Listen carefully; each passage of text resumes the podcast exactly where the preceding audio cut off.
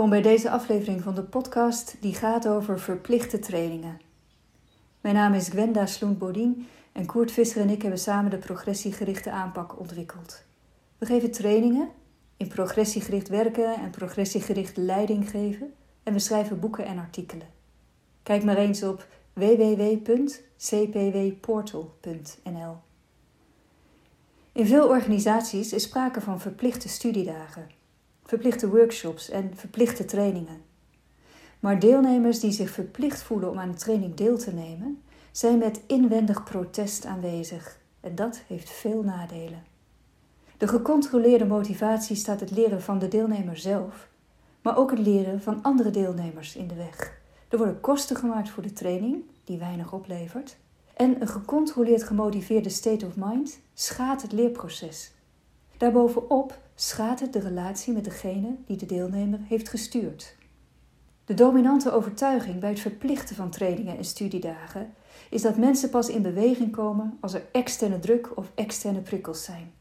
Een dreiging van een straf of het in het vooruitzicht stellen van een beloning. Als je dit doet, krijg je dat prettige, een beloning, of als je dit doet, voorkom je dat onprettige, een straf. Er is overweldigende hoeveelheid bewijs van de onjuistheid van deze dominante overtuiging. Het is een te pessimistische kijk op mensen.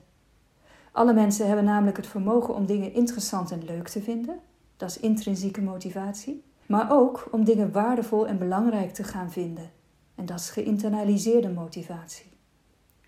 Als we dus willen dat medewerkers in organisaties zich gaan ontwikkelen en gaan leren, dan doen we er veel beter aan om het aantal verplichtingen kritisch onder de loep te nemen en ook drastisch te verminderen.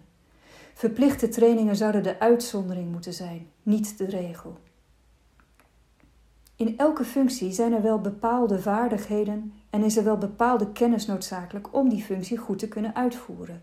En het is dan ook logisch dat organisaties eisen stellen aan de vaardigheden en aan de kennis die mensen die die functies bekleden hebben. Maar er zijn allerlei manieren te bedenken waarop mensen die noodzakelijke kennis en die noodzakelijke vaardigheden kunnen gaan verwerven. En een training volgen is slechts één van de vele manieren.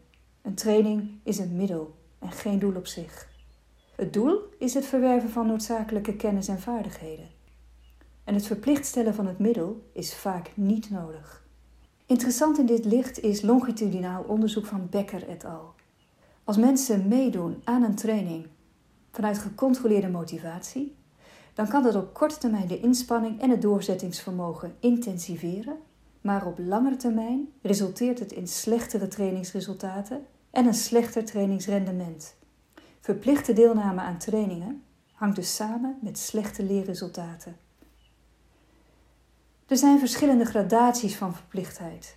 In sommige organisaties geldt dat er consequenties zijn wanneer je jezelf hebt opgegeven voor een training, maar niet komt. Zo gaven ze een training in een zorginstelling en die training bestond uit een aantal sessies met enkele weken tussen de sessies in. En vlak voor de tweede sessie komt een deelnemer gehaast de zaal binnen en hij zegt: Ik moet invallen voor een zieke collega. Nu kan ik dus niet bij de sessie zijn, maar is er een presentielijst? Dan kan ik die snel even tekenen. Want als ik niet aanwezig ben terwijl ik me wel heb aangemeld, dan gaat er 75 euro van mijn salaris af. En hoe begrijpelijk het ook is dat het vervelend is wanneer de organisatie kosten maakt voor een training en deelnemers die zich wel hebben aangemeld komen niet, een dergelijke straf werkt voor niemand goed. Het frame als je niet komt, kost het je geld, roept gecontroleerde motivatie op in de deelnemers, zowel in degenen die wel komen als in degenen die niet komen. De dreiging van de straf zit daarmee al snel de interesse in de inhoud van de training in de weg. In een andere organisatie kunnen mensen solliciteren op een interne coachfunctie. En men weet vooraf dat de organisatie verwacht dat degene die wordt aangenomen ook een training progressiegericht coachen gaat volgen.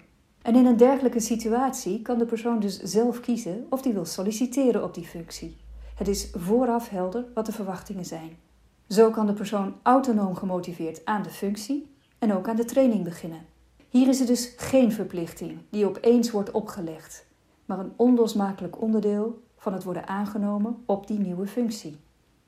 Dat het verplicht stellen van een training vaak onnodig en ook onverstandig is, wil trouwens niet zeggen dat er geen verwachtingen of verplichtingen mogen zijn. De verplichting om bepaalde kennis en vaardigheden te gaan verwerven om een bepaalde functie te mogen uitoefenen, zoals in het voorbeeld zo net, is heel legitiem. Bij progressiegericht sturen maak je bijvoorbeeld duidelijk wat het belang ervan is dat de medewerker bepaalde kennis en vaardigheden gaat verwerven, maar laat je de medewerker vrij om zelf te bepalen op welke manier hij die vaardigheden en kennis gaat verwerven. Daarin kun je ook keuzemogelijkheden bieden.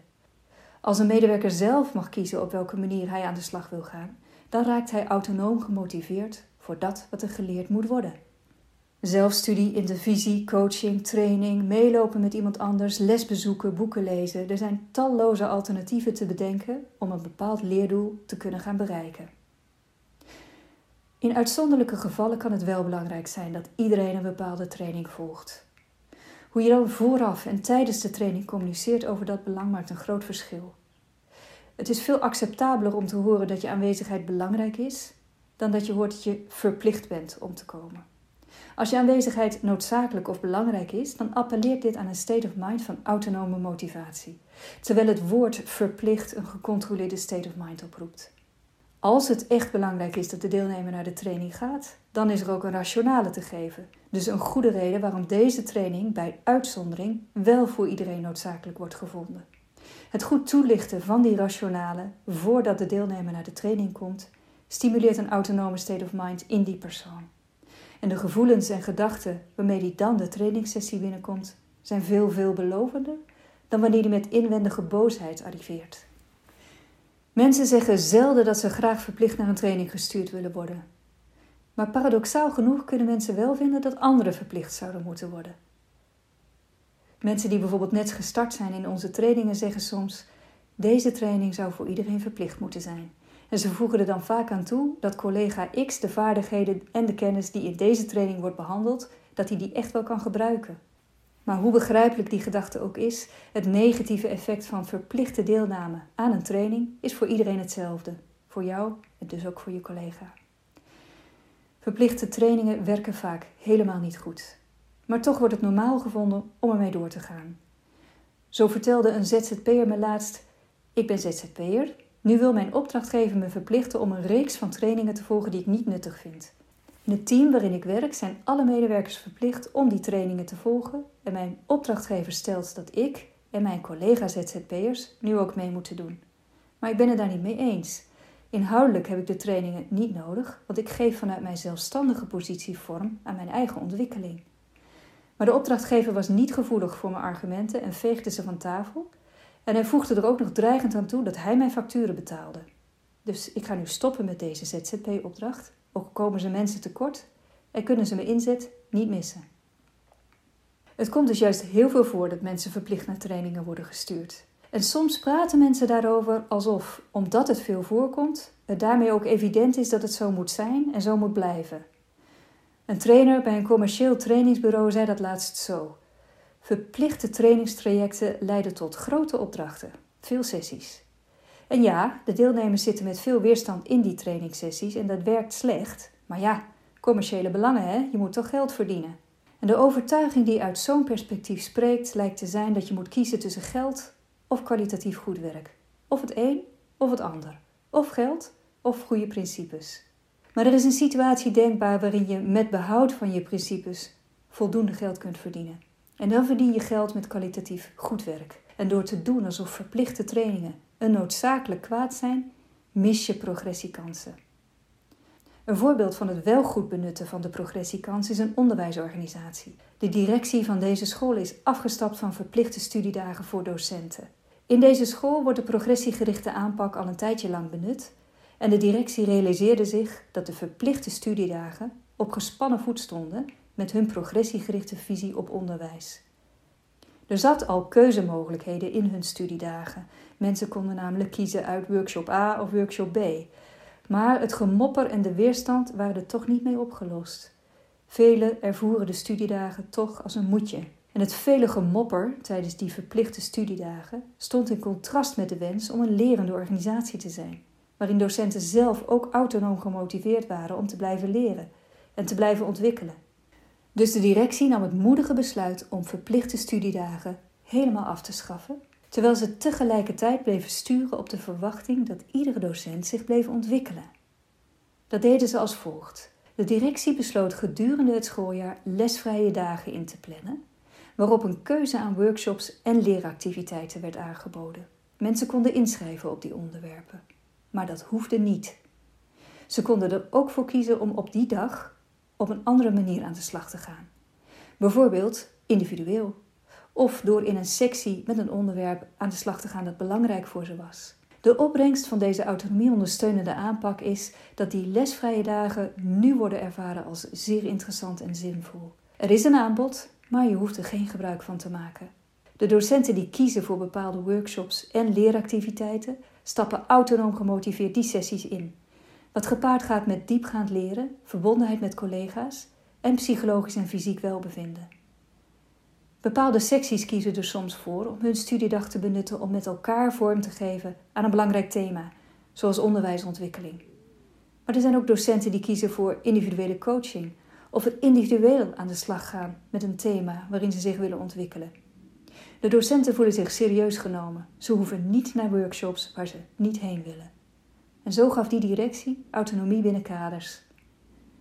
Samenvattend geven Disfik en Duvaas drie praktische implicaties vanuit zelfdeterminatietheorieonderzoek voor de aanpak van ontwikkelingsactiviteiten, zoals trainingen. En die drie implicaties zijn deze. Nummer 1. Neem de perceptie van medewerkers als uitgangspunt. Dus zorg ervoor dat de medewerkers de training kunnen ervaren als van hoge kwaliteit en goed gestructureerd. En zorg ook dat de medewerkers de relevantie van de inhoud van de training voor hun eigen werk kunnen zien.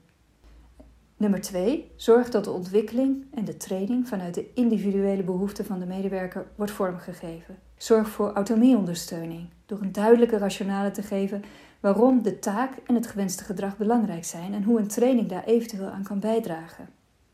Zorg dat de werkrelatie met die medewerker gekenmerkt wordt door keuzemogelijkheden en flexibiliteit in plaats van controle en druk.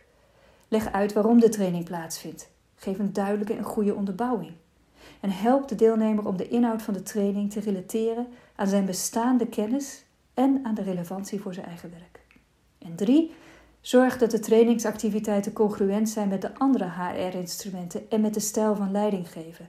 Dus zorg voor een stijl van leidinggeven waarin de drie basisbehoeften van mensen op de werkplek worden vervuld: de behoefte aan autonomie, competentie en verbondenheid. Dat levert niet alleen effectiviteit van de training op, maar het levert ook een voordeel op voor het algemeen welbevinden van medewerkers in hun werkomgeving. Meer leren? Kijk maar eens op www.cpwportal.nl.